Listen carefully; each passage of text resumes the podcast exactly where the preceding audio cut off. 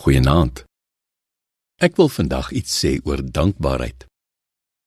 Die Bybel is baie duidelik daaroor dat ons selfs soms ten spyte van hoe ons voel, dankbaar moet wees teenoor die Here.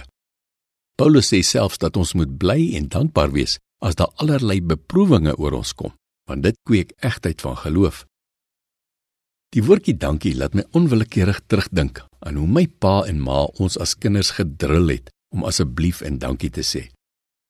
Jy sal seker ook self onthou hoe jou pa en ma dadelik gedreig het met hoe sê mens as jy nou waag om nie asseblief te sê nie.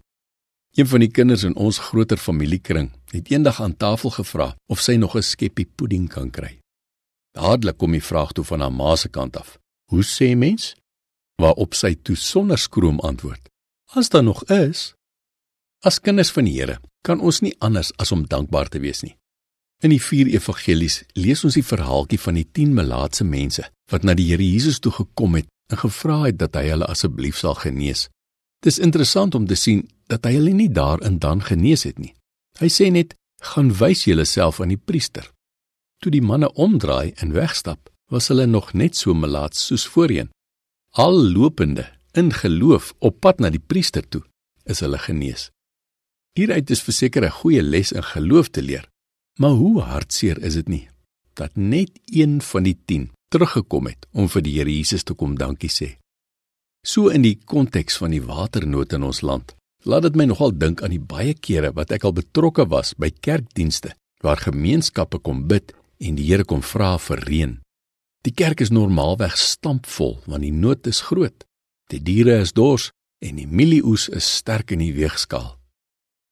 Volgende maand egter, as die dankseggingsdiens gehou word vir die reën wat die Here gestuur het, is die kerkbanke gewoonlik maar eil besaai met dankbare mense.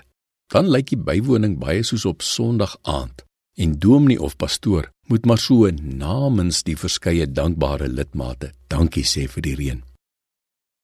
Ek wil nie spot nie of op jou tone trap nie. Ek is maar in my eie lewe ook nie so dankbaar as wat dit moet nie.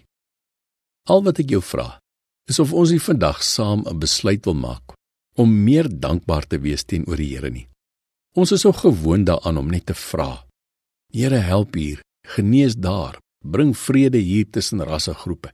Stuur asseblief reën in die Kaap. Wat daarvan as ons 'n gewoonte aankweek om partykeer as ons bid, 'n slag ons inkopieslys van gebedsversoeke op sy te skuif en niks anders te doen as om dankie te sê nie.